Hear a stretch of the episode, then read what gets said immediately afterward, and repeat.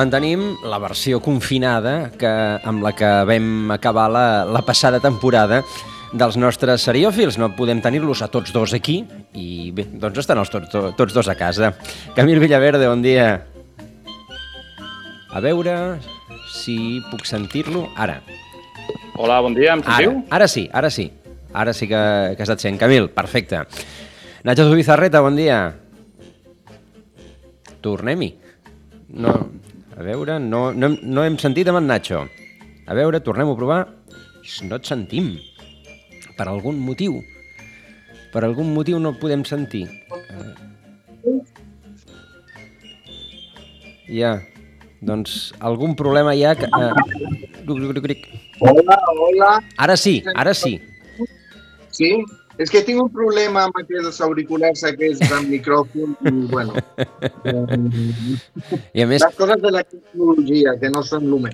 I ara, i ara Problemes del 2020 són aquests. Ah, sí, la, anava a dir, l'audiència acaba de descobrir que no hem fet la prova abans de començar, perquè no hem tingut temps.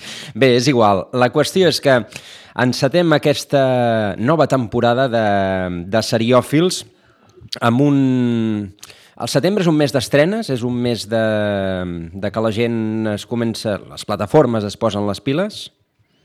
Sí, clar. És la trobada, és la retornada, però sobretot eh, veurem que les estrenes importants de les plataformes comencen la segona quinzena. La primera quinzena està encara una mica fluixa. La, la primera quinzena l'han deixat com per les més rarunes, no? Perquè són totes mm, estranyetes, ja, ja ho veurem. Sí, sí. Ja més orientades a un públic molt, molt jove en general.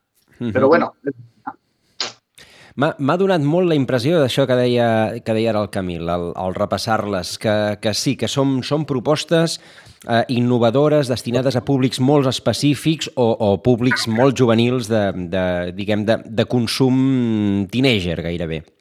Sí, sí, sí. No són, no són les clàssiques sèries mainstream que busquen gran audiència, sinó que, no, no, el que, el que, el que diem, són sèries... Hi ha algunes que són bastant estra... Vull dir, acabes de veure el tràiler i, i dius, vale, no entès res, eh, però ho veuré perquè és, tot això és molt estrany. Doncs vinga, comencem amb la primera, que és potser una de les menys estranyes dintre de, la, de totes les propostes. Ens la proposa Netflix. You doing okay? No, I knew I was police. Until today. Police! You're a pig living here with us! Had you ever seen the victim before? No. Get back! Get back! Wallander. Don't skip the counselling. Wallander, el clàssic eh, detectiu Kurt Wallander creat per Henning Mankell, que, que ara, com tot és explotable, doncs bé, com ja sabem que cada gran serà una persona torturada, doncs com era de jove, no? Això mateix. És una proposta de Netflix que agafa aquest super, eh, bueno, super, aquest policia torturat suec, eh, taciturn i una persona bastant fosca i mm, explora una mica com podria ser els seus començaments amb la carrera policial. No? Eh, bé, mm, és una sèrie noruega mm, que passa a Suècia i durant tota aquesta primera temporada que proposen doncs, hi haurà un cas a la Suècia actual on bueno, doncs, hi haurà molta violència i hi haurà molts temes socials com el racisme o com eh, les diferents classes de la mateixa societat que poden arribar a fer esclatar doncs, una situació bastant complicada. És, és, és com el clàssic subgènere d'orígens, no? Allò de tens un personatge conegut, sigui un superheroi o un detectiu i vas a, vas a buscar d'on ve, eh, no? D'on li ve tot el, el que coneixes del personatge. I això és una mica el que, el que es vol amb la sèrie. De Netflix, eh, recordem que hi havia una altra sèrie que estava bastant bé, una sèrie britànica protagonitzada amb Kenneth Branagh. Sí, Kenneth de la, de la BBC, que eren, Era, eren capítols d'hora i mitja. Hora i mitja, sí, eren com pel·lícules, tipus, tipus Sherlock. Que Sí, cada, sí. Cada, cada capítol era una pel·lícula. I, eh, bueno, una sèrie que a mi m'agradava bastant. A veure si, si aquesta doncs, està una mica, una mica a l'alçada. A veure, la factura és molt internacional, la Sí. sèrie és rodada en anglès, vull dir que tu veus el tràiler i, home, pinta almenys interessant, a veure com, a veure com ho desenvolupen. Doncs eh, fins aquí les coses més o menys normals o dintre de la- d'allò detectiu, oi? A partir d'aquí, mmm, les coses rarunes que ens definia en Camil. La primera, també de Netflix. Nosotros somos rebeldes. Que luchamos por la libertad de nuestra tierra.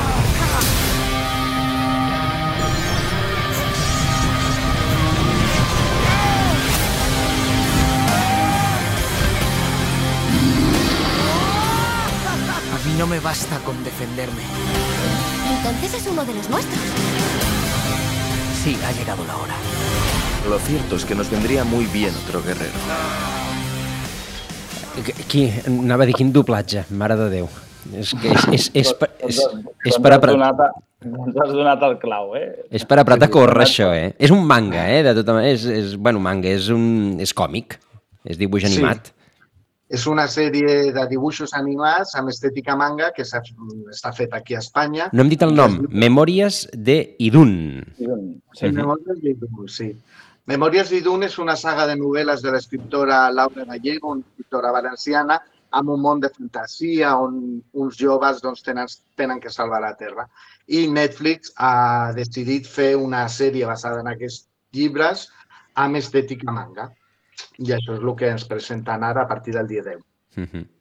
Eh, I és una sèrie no, que, que, diguéssim, ha saltat la polèmica pel, pel tema que comentaves, no? pel doblatge. Es veu que hi havia una sèrie de, de dobladors eh, que en tenim de molt bons aquí, previstos i, i pactats amb la- amb l'escriptora, amb, amb la Laura Gallego, i finalment Netflix ha decidit això de pues, anem a posar veus conegudes, eh, d'actors coneguts que tinguin molts seguidors a Instagram i, i no sé per què ben bé, perquè realment el resultat, vull dir, és, és bueno, ja, ja, ja, ja l'has sentit i si tu vas als comentaris de YouTube, eh, crec que els 50 primers comentaris de, del tràiler van sobre, sobre les, les veus, que clar, no, no és el mateix. No és, el És, mateix. és que, clar, Són actors, són actors d'aquests que tenen molta tirada a les xarxes socials perquè són Sí. jovenets però després, mm, a l'hora de posar veu, doncs no és el mateix un actor normal que un actor de doblatge.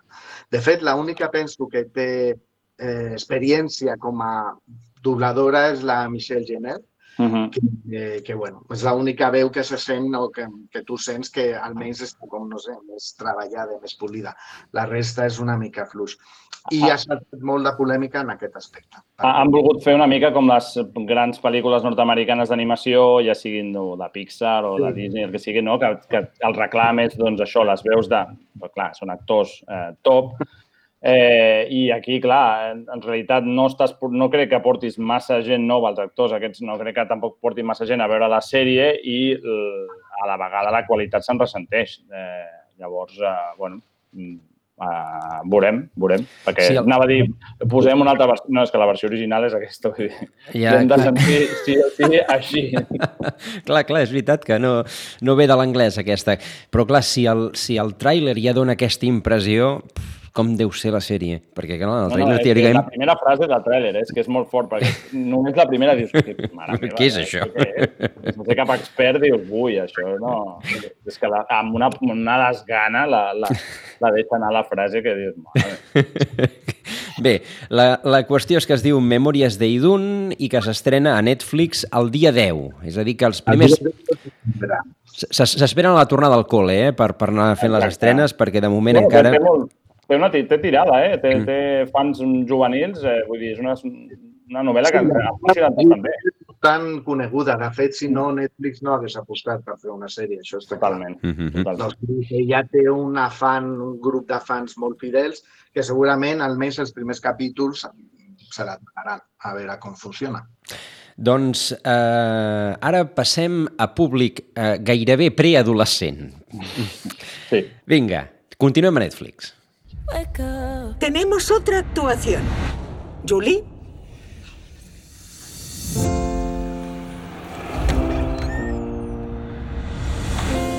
Desde que murió mamá, me tratan como si me fuera a romper. Pero no puedo hacerlo. Lo siento, mamá.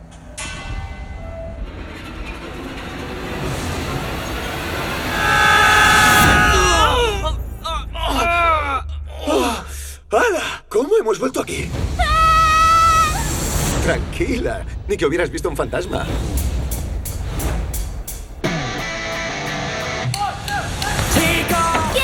sí, ¿qué hacéis en el estudio de mi madre? Somos tres fantasmas y estamos contentos de estar en casa. Ja està, ja, ja sabem de què va. És que he volgut esperar que, que arribés aquí. ja està, uns fantasmes que arriben a l'estudi d'una nena que cada torfa de mare. Això mateix. No hi ha una nena jove de 12-13 anys, només és que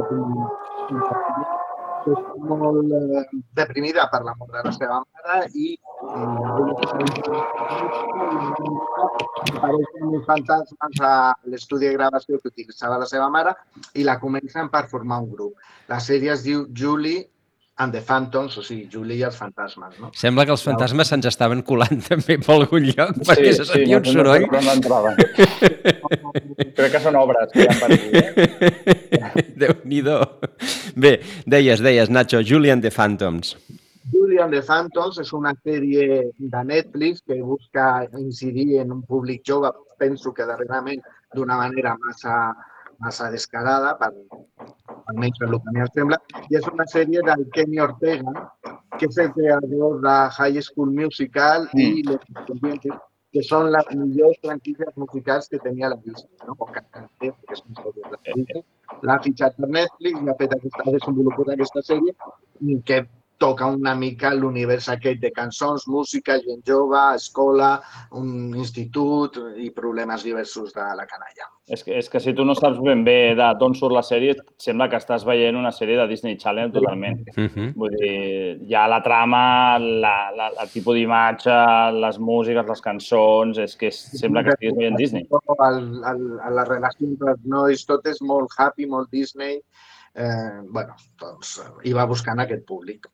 Sí, sí, públic preadolescent i ja sense masses sorpreses, ja, ja es veu per on, per on anirà tirant la sèrie.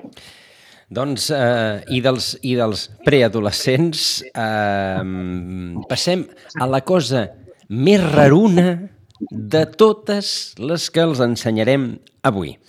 Ens la porta HBO. Quiero sobrevivir, así que voy a desgarrar tu carne.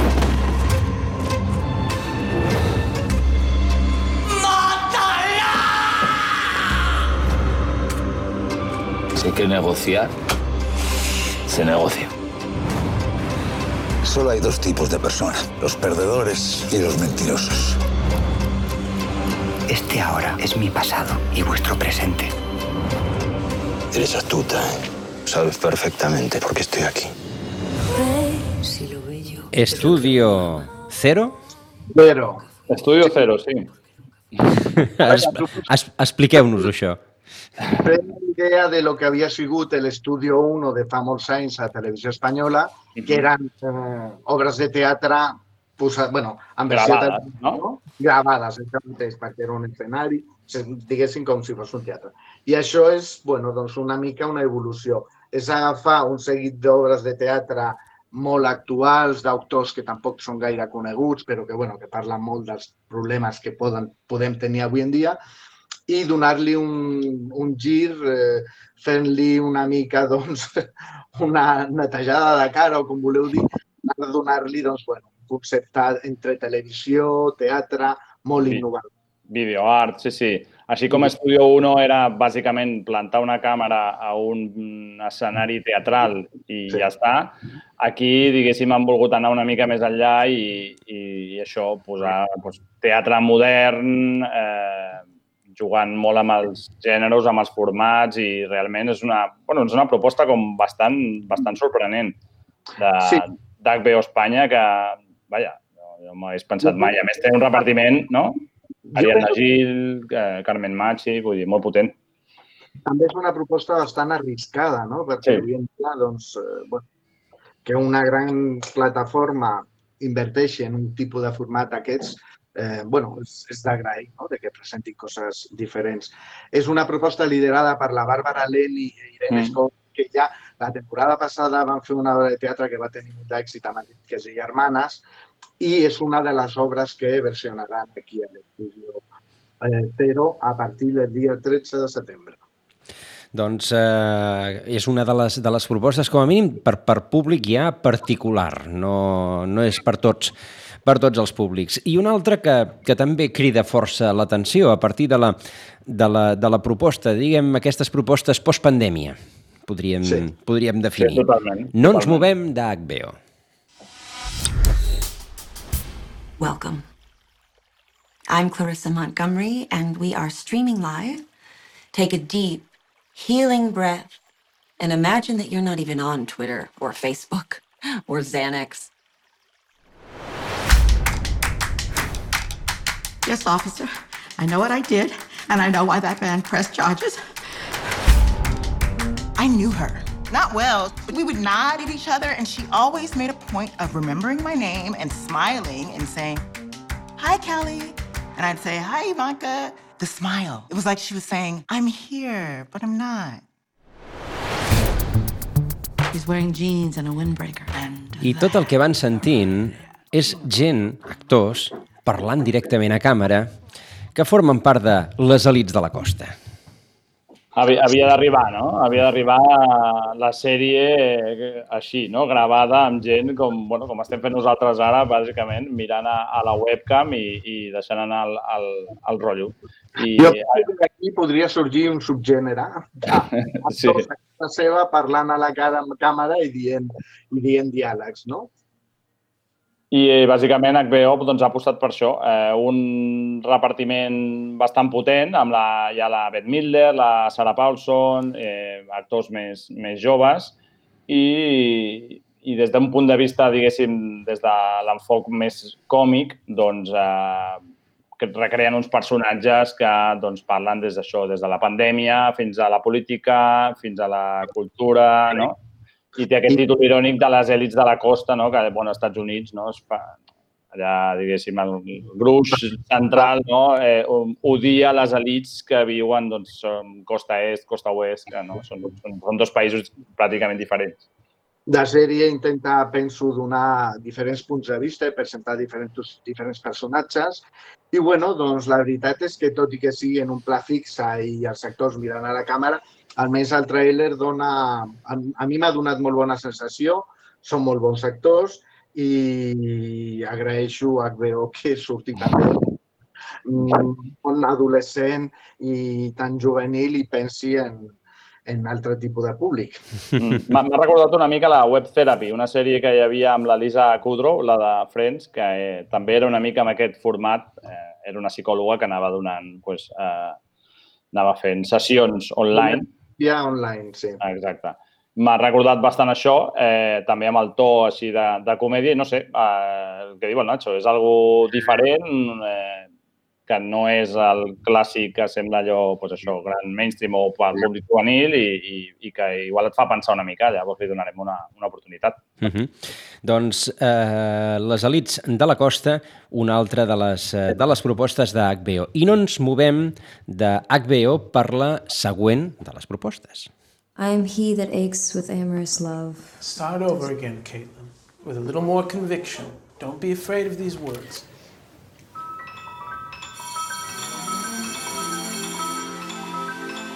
Why are you following me? The stuff you wear is inappropriate for what you're planning on doing. You don't know anything about me. I'm ready. No, you're not. And none of the stuff that you're thinking means anything anyway. Never kissed anyone before. Have you? I think they think we're weird. Does that bother you? We are who we are. Som qui som. Qui som. Mm, adolescents en, un, en un món que no entenen. Això mateix. Una sèrie de redescobriment, no redescobriment, de descobriment de la vida per part d'uns adolescents. És una proposta d'aquestes de qualitat de HBO que està presentant mm, aquest setembre. Hi ha alguns plats forts i és una sèrie del director Luca Guadagnino, que és uh -huh. aquest director que es va fer dirigir la pel·lícula Call Me By Your Name, i aquí, bueno, torna a retratar una mica doncs, el món adolescent tret, tret d'allò, que és un... El protagonista és un noi que té dues mares, eh, que són... Eh, Són militars, no? americanes i que viuen en una base de Nova York, al costat de Nova York, en un suburbi que és on ell ha viscut tota la seva vida i aquestes dones són enviades a Itàlia a una base a Veneto llavors doncs, ella ahir doncs, bueno, mm, redescobreix o descobreix que hi ha un altre món i hi ha una altra vida i que, i que, bueno, que té moltes coses per descobrir. Sí, és una sèrie d'aquestes que veus al tràiler i és el que dèiem abans. Dius, no sé exactament de què va, o sigui, vale, puc intuir, però no sé exactament, però té, té un punt com fascinant que te la quedes mirant perquè realment el, el talent de, de Luca Guadagnino doncs, es fa veure. No? Llavors, és, hi ha bastanta expectació amb aquesta sèrie eh, a veure a veure si, si respon a, la, a les expectatives. Uh -huh. De fet, estava anunciada per més endavant, per mm. més cap a finals d'any, quan ja les uh, audiències televisives, televisives estan més consolidades, i aquesta l'han avançat, mm, no sé, hi ha altres propostes que segurament, bueno, segurament no, les han retrasades per al tema de la pandèmia i aquesta mm l'han volgut avançar. I estic amb el Camilo, que tu veus el tràiler i tot i que reflecteix algo que hem vist molts cops, té un punt de fascinant que dius, ostres, potser m'aporti alguna diferent. No? O sigui que també li donarem un, un cop d'ull a aquesta ha, vingut, ha vingut fort HBO um, aquest setembre. Sí, sí. De, de, de mitjans de setembre comença una embranzida fort. doncs encara ens en queda una, una darrera estrena, també pel, pel dia de mig setembre, pel 15 de setembre, que també ens proposa HBO. Who are you? This person, something terrible happened to. Well, you're not that here. When was the last time you really let go, Sam? There's something special about this place. Long way from home on such a day. Times have been hard. We've been through some bad things. But helping people is what this place is all about. Thank you, but I can't stay. But you need to come with us before that causeway closes, and you have to stay here in paradise forever. Well, you can't leave. Excuse me? El tercer dia, eh, una sèrie, una minissèrie que entra en aquesta factura de, de, bueno, de misteri, ja, ja, ja s'ha vist. Quan, quan una, un tràiler ja comença dient something terrible happened in this place, dius ja... Malament. ja malament, això és Twin Peaks. Puig. No sé, no sé per què fer el prota mai, saps? És allò, tens aquesta frase el primer que fas és agafar les maletes i marxar allà, no, no, no quedar-te allà. Allà en el trailer el protagonista ja li van dir tens que marxar perquè si no la mare i tal. I, i, i el tio i el tio es queda. Aquí i ja no pot marxar. Bueno, doncs mira, mala sort, escolta. Doncs sí, el tercer dia és una minissèrie de HBO, també una aposta una mica diferent. És una sèrie de sis capítols, està dividit en dues parts, una que es diu Estiu, mm, protagonitzada per el Jude Law, i que, bueno, doncs ella arriba a un poble i li passa un seguit de coses, i una altra que es diu Hivern, protagonitzada per la Naomi Harris, Mm, que no té res a veure amb la que hem vist al principi o la primera part, solament que passa en el mateix lloc i bueno, hi ha punts de connexió. No? I és aquest lloc, aquesta illa, mm, una mica aïllada de lo que és l'Anglaterra tradicional, on volen guardar molt els seus, els seus costums i la seva manera de fer, i aquí han passat i passen coses estranyes, i això és el que desenvolupa. Sí. A, a mi m'ha recordat una mica l'aire, no sé si l'heu vist, a Midsommar, la, la pel·lícula, eh, de, sí, d'arribar a un lloc com molt idíl·lic i amb la gent com, va, que guai, i és tot un univers com molt diferent i la cosa, de seguida vas veient que... La cosa... Exacte que la cosa se's va torçant i això encara et dona com més mal rotllo, no?, d'aquest contrapunt entre això, doncs, la, el lloc idíl·lic i la gent com aparentment com super simpàtica i tot el que hi ha de, de fons, no? Uh -huh. o sigui, que a més crec que, que, crec que completen la sèrie, no, Nacho, amb, un, amb una obra de, de teatre. La sèrie estava pensada per emetre's al mes de maig, o estrenar-se al mes de maig, mm. i completava l'últim capítol, era com una escenificació d'aquest món amb els actors, una escenificació immersiva, suposo que jugàvem amb el públic o alguna així, que anaven a fer a Londres, però com en aquell moment Londres estava confinada, eh, tota Anglaterra, per al tema de la pandèmia, no es va poder fer. Llavors, mm, sembla ser que ara, a finals o a mitjans d'octubre o finals, faran aquesta representació en directe, a veure com, com ho volen fer, que es gravarà... Estudio, estudio 2 o estudio 3. Sí, sí, avui, avui va de teatre, això, eh? Sí, sí, a veure... I coses molt... Estan tornant molt alternatius aquí, al seriós. Bueno, doncs eh, fins aquí les, les estrenes d'aquesta d'aquesta quinzena. Advertíem al principi que eren rares. Eh, entenem que la segona quinzena ja vindran les més generalistes.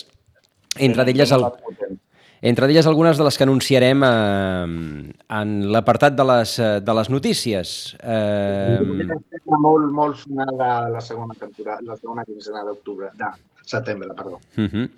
um, Emis, ens heu portat els, els Emis, no? Sí, amb, Sí. amb una mica de retard.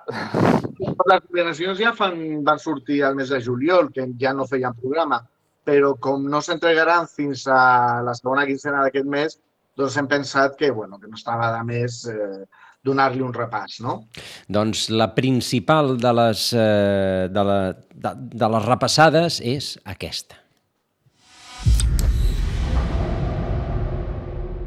La gente usa máscaras por culpa de algún trauma. Se obsesionan con la justicia porque han sufrido alguna injusticia. Así que la máscara oculta el dolor. Yo llevo máscara para protegerme. Ya, del dolor. Un miembro de la caballería. N'hem parlat d'aquesta d'aquesta sèrie, Camil. Sí, m'encanta. Eh, eh, una sèrie, que, Watchmen, eh, estranyament profètica, no? Perquè és una sèrie de, de l'any passat i, i ja l'estàs sentint parlar de primer de les màscares, no? De, el més evident, i, i després de, de tot el tema racial, no? És una sèrie que, diguéssim, va abordar el tema, el tema del còmic, eh, li va, va fer un giro i el va portar cap al, cap al present i amb tota aquesta problemàtica racial, eh, sobretot al, al sud dels Estats Units. I clar, ara amb tot el que estem veient de Black Lives Matter, totes les notícies que ens estan arribant de, d'Estats Units, els conflictes, eh, doncs és que és una sèrie com que dius, uau, eh, fa un any, però t'està, vull dir, et va donar completament a- amb el clau. I jo crec que això els Emmy pues, ho han vist i és la gran, la gran favorita, perquè és la, com a mínim la que té més nominacions, que té fins a 28 nominacions. Déu-n'hi-do, déu Sí. sí, molt lluny de les altres eh, favorites de drama, com poden ser Succession de, de HBO també, o Ozark de, de Netflix. Uh -huh. Els protagonistes, bueno, la Regina King, que és la protagonista, està nominada, i el Jeremy Irons. A mi, a veure, l'elenc de, de Watchmen és molt, molt important i molt gran, però que hagin nominat el Jeremy Irons a mi m'ha sobtat, perquè fa un paper una mica doncs, eh, caricaturesc, no? d'un dolent molt dolent, molt messiànic i tot això.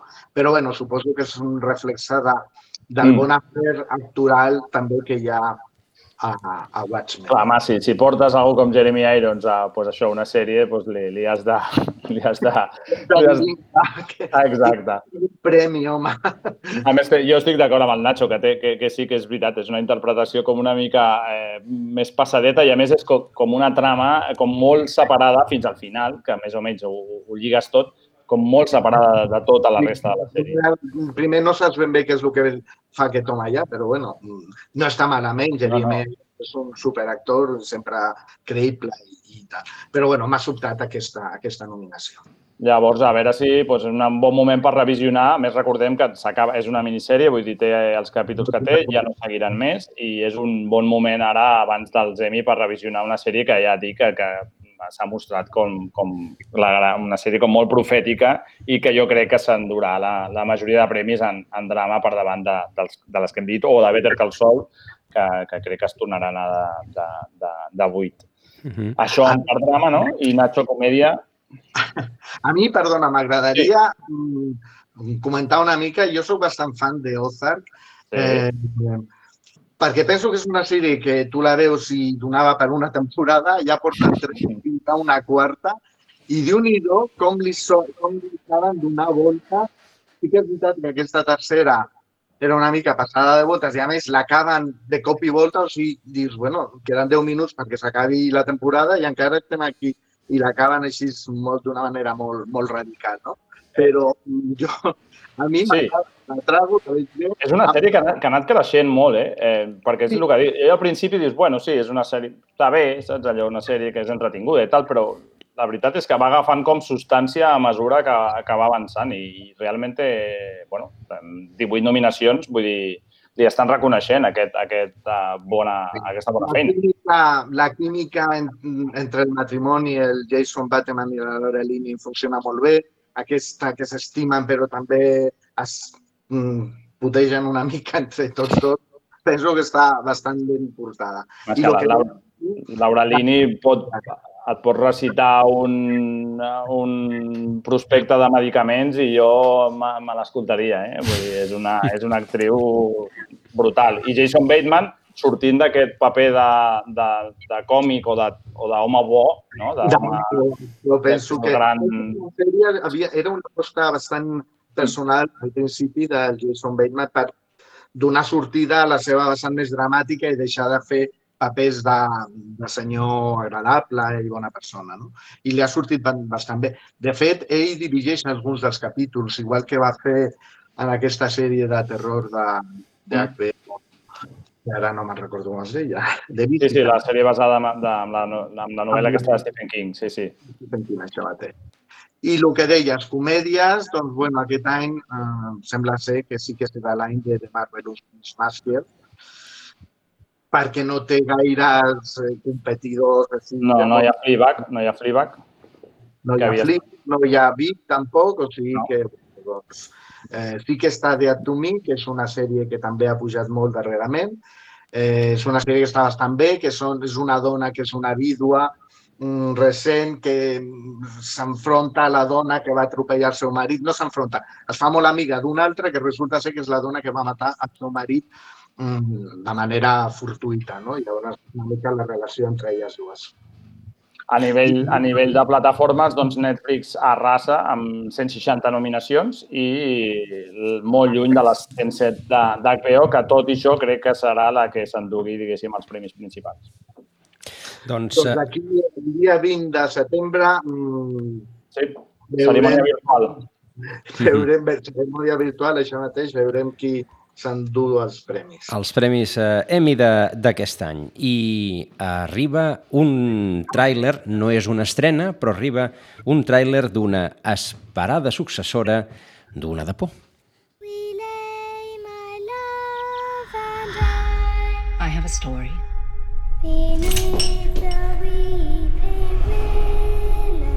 A ghost story.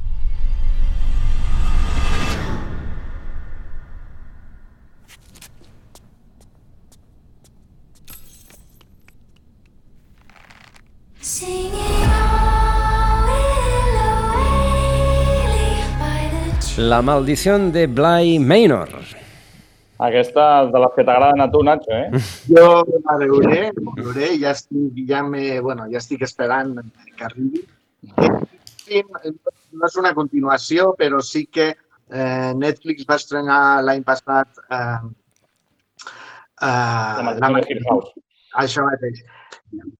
I va funcionar molt bé, van estar molt contents, tant a nivell de crítica com a nivell de visualitzacions, i el mateix equip ha agafat una, un altre conte, en aquest cas, i ha fet eh, una nova sèrie, que és aquesta, La maldició de Bly Manor, i és una de les més esperades per tot el món fantàstic que bueno, rep aquest tipus de, de produccions eh, amb moltes ganes, la veritat, perquè terror hi ha bastant, però terror de qualitat se'n fa molt poc. Ja, tu quan veus que el tràiler comença amb uns nens cantant una cançó angelical, eh, ja tremola perquè això farà molta por. I passes en un lloc buit, que també és un clàssic. Exacte. és, una, és una adaptació no? d'una novel·la, la novel·la de Henry James, la d'una altra volta de Rosca, una, una adaptació com molt lliure, bastant lliure, i és la història d'una institutriu, tot això, tots uns clàssics, no? arribant a una casa a doncs, fer-se càrrec de dos nens eh, i, òbviament, vaja, serà de tot menys tranquil, d'allò. De aquesta novel·la curta de Henry James va crear, que diguéssim, com un subgènere. Sí, sí. La, la mestra que va a casa particular d'una gent rica amb uns nens que són bastant inquietants. Aquest, amb aquesta trama s'han fet un, Sí, sí. 50.000 pel·lícules, històries i tal. I aquí, d'aquí no res, tindrem la maldició de Playma. Doncs no és de por, sinó que és d'espies, però també tenien dos nens. Uh, Amazon Prime ha penjat tot sencer el catàleg d'aquesta sèrie.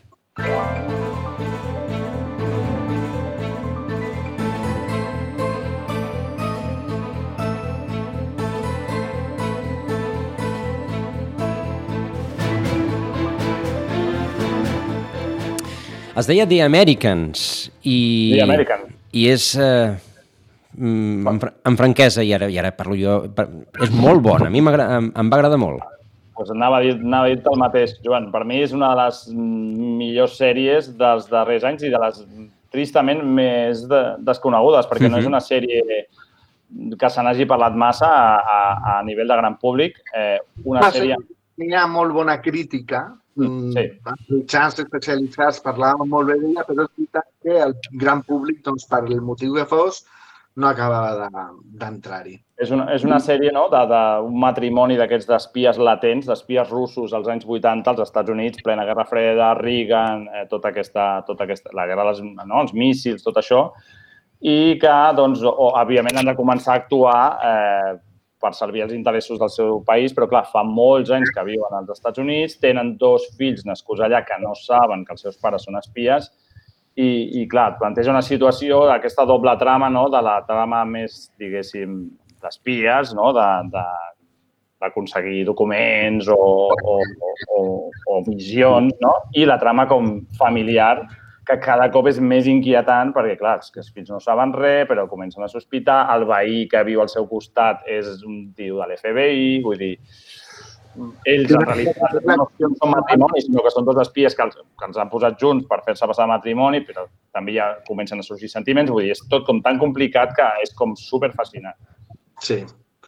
És la doble moralitat, no? Ser fidel al teu país, però està ben molt vinculat a, amb el tipus de vida americana i, bueno, doncs, eh, tenint ahí certs arrels també. Quan... Vaja, i a preguntar-se qui són, no? Qui són, eh, en realitat, qui són ells mateixos? De, de són? Els més- espies són els, els nord-americans? O és...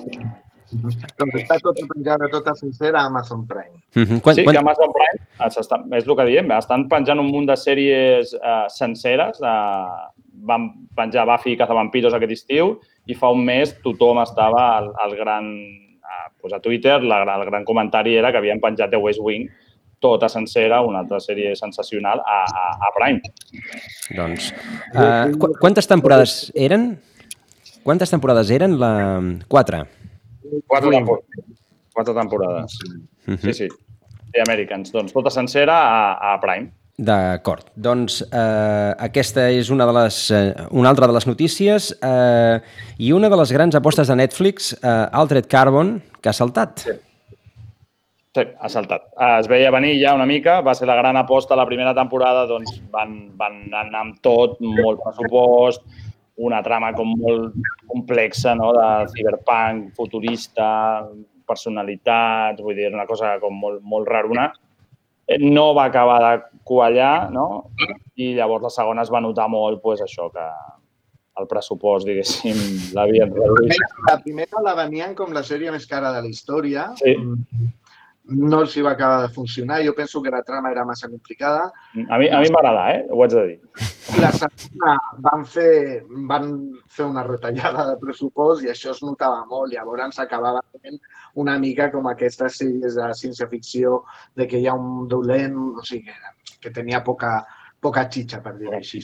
Pocs escenaris, no? Repetien molts escenaris, eh, era com, vale, ok, no, no, no teniu diners per més, no? Eh, Sí, llavors sí. se'n va ressentir molt. I ara l'han i ara l'han cancel·lat. Sí, sí, ni, ni, ni l'excusa del Covid ni res. Ja han dit directament que, que massa diners eh, per una sèrie que, que ha tingut com molt poc resultat. Uh -huh. I Netflix havia anunciat eh, continuació d'un seguit de sèries i la darrera setmana, les darreres setmanes, va anunciar la cancel·lació d'aquelles sèries que havia donat continuïtat perquè diu que amb les mesures que s'han de prendre eh, perquè els, els rodatges siguin Segurs. amb la pandèmia, doncs puja molt eh, el pressupost de cada sèrie i tenen que mirar-se més on inverteixen els seus diners. O sigui, sèries que ja li han dit a l'equip, sí, sí, continuarem, continuarem, a l'hora de la veritat, doncs les han tirat cap a Les han hagut de cancel·lar. Uh -huh. Les han hagut de cancel·lar. Torna, torna una, altra, una altra adaptació de Michael Crichton, Exacte, després de Westworld, els mateixos responsables de Westworld, eh, vist el bon resultat no? que ha tingut la, i la bona acceptació que ha tingut la sèrie, doncs adapten una altra de les novel·les d'Espera, no? també ciència-ficció, crec que es va fer una pel·li no? amb el Dustin Hoffman i la, eh, i la Sharon Stone. Sharon Stone, això mateix. És, bueno, la pel·li, la veritat és que la, La pel·li- és trepidant. Ja, bueno, troben una esfera gegant al fons del mar i intenten saber què és el que ha passat, què és el que és això, no? Eh, bueno, la novel·la està bastant bé i, esperem que li treuin suc i que la facin menys... Eh... Jo li trobava, a Westworld li trobava que, bueno, que era com una filosòfica, no? O sigui, sí, més, més, més propera o més, no sé, menys... No sé. Bueno, quadra amb les estrenes d'avui, no? Si és algo filosòfic i molt, i molt intens i molt estrany, ens, ens quadra. Doncs, eh, fans, eh, fans de Star Wars, esteu d'enhorabona, es confirma.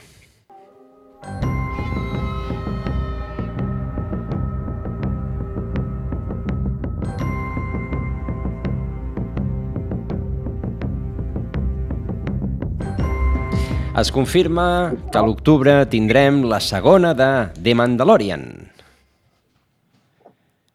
Doncs sí, eh, era una de les... Eh, bueno, va ser el book insignia de Disney Plus no han trigat res en rodar una segona temporada. De fet, ja s'estava fent la segona temporada quan va estrenar la primera. Eh, I arribarà puntualment a l'octubre, tal com estava previst.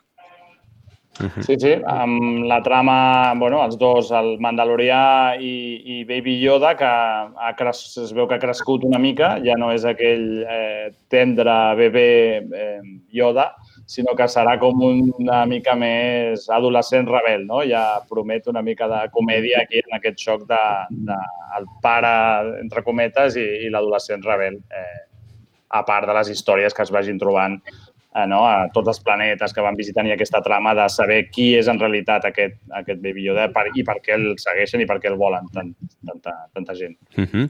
Estarà protagonitzada un altre cop per Pedro Pascal. Su- Suposem, suposem que és Sí. Pedro Pascal. Podria no ser-ho, eh? Podria no ser-ho. Amb un plano de tota la temporada, eh? Un sol plano. Un, Que dius, vale, és ell. Exactament, em quedo a casa, doncs bueno, no et preocupis. Bueno, el Pedro Pascal serà de nou el de Mandalorian. Home, però pel tema de pan- pandèmia superbé, no? Per, per això, no? allò, amb la màscara, allò posada... més, més potent que aquesta.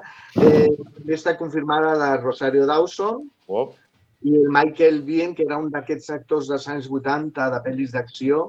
Terminator, bueno, és el, és el pare de, de John Connor de Terminator, el Michael Biehn. I Timothy Olyphant, que a mi és un actor que, que, que m'encanta, eh, que havia fet Justified i, i, i bueno, moltes sèries a HBO i vaja, que ve amb un repartiment bastant, bastant potent. Sí, i el Joan Favreau, a showrunner, i la direcció correrà a càrrec, entre d'altres, de Robert Rodríguez i Peyton Reed. O sigui que, bueno, que sí, que han ficat diners i nous coneguts per tirar endavant eh, aquest eh, projecte que, bueno, és el book insignia de, de Disney Plus. Disney Plus. Disney Plus, Plus, Plus, Plus, Plus. Uh, a veure, gairebé no tenim temps, però, però com a no, mínim no fem... en parlarem, eh? jo crec que d'aquesta sèrie no, no en parlarem. Se'ns- a no parlar. Se'ns enquista aquí al final i, i, este, i pro- probablement ara estem en el millor moment per parlar-ne, Sí, sí. per com estan les coses allà. Tiro el tràiler? Tirem el tràiler, Va, va. tirem el tràiler. Am not against women. I am not against women working outside the home. But what I am against is the women's liberation movement. Mrs. Amèrica. No estic en contra de les dones, no estic en contra de que les dones treballin fora de casa, però estic en contra del moviment d'alliberament de les dones. I a partir d'aquesta premissa, el que vulguin. I a més, si tu, si tu diu Kate Blanchett així, eh, ja només començar el tràiler té, té molt de rotllazo aquest tràiler de, de Mrs. Amèrica. No, tota la sèrie està molt bé. És una sèrie basada en fets reals, d'un un afer que va succeir als Estats Units als anys 70, d'on hi havia un, un grup de dones que es van organitzar per, per tirar endavant una llei que, mm, que fes que tot tingués el mateix sentit homes i dones, que tot fos igualitari, i aquesta dona, la que interpreta de Kate Blanchett, suposava. I bueno, doncs era una lluita, és la lluita que van tindre el grup d'aquest de, de dones mm, per la liberació, de la que parla de Kate Blanchett, amb el grup que ella mm, lidera, que és un grup de dones tradicionals que bueno, defensen el paper més tradicional de la dona. I ves per on? I, i, I que no ha canviat gaire el tema, no? Estem un altre cop. Les dues Amèriques. Exacte, la onada neoconservadora i versus la, la, la part com més liberal eh, i llavors aquesta lluita, vull dir, és, és, és superactual. És una sèrie als 70s, però clar, és que és, dius, uah. No, i és una sèrie de qualitat, és una aposta de, de l'HBO, és liderada per Kate Blanchett, està molt ben feta. Potser a vegades, els primers capítols, per les, pels que no coneixen gaire la cultura popular americana, ens perdem una mica perquè comencen a sortir noms sí. i, i dones i dones que no saben ben bé fins al tercer sí. què és el que fan, però és una sèrie que està molt bé. És una sèrie també de les nominades al Semi, no hem parlat d'aquella d'ella perquè no és de les top 10, però sí que està molt bé. Kate Blanchett està meravellosa. I Rory Rose Byrne, que és com la seva, la, la, diguéssim, la seva antagonista, està espectacular també, és una jefa absoluta. Doncs la sèrie val, val de, la, la de la que tothom eh, en parla, molt recomanable pels nostres seriòfils, Mrs. Amèrica, que la poden trobar a HBO. Camil, Nacho, moltes gràcies. D'aquí 15 dies ens tornem a retrobar, això sí, amb les grans estrenes de la segona quinzena de setembre. Que passeu una, uns bons dies. I, I a tots vostès, moltes gràcies, que passin un molt bon dia i fins demà.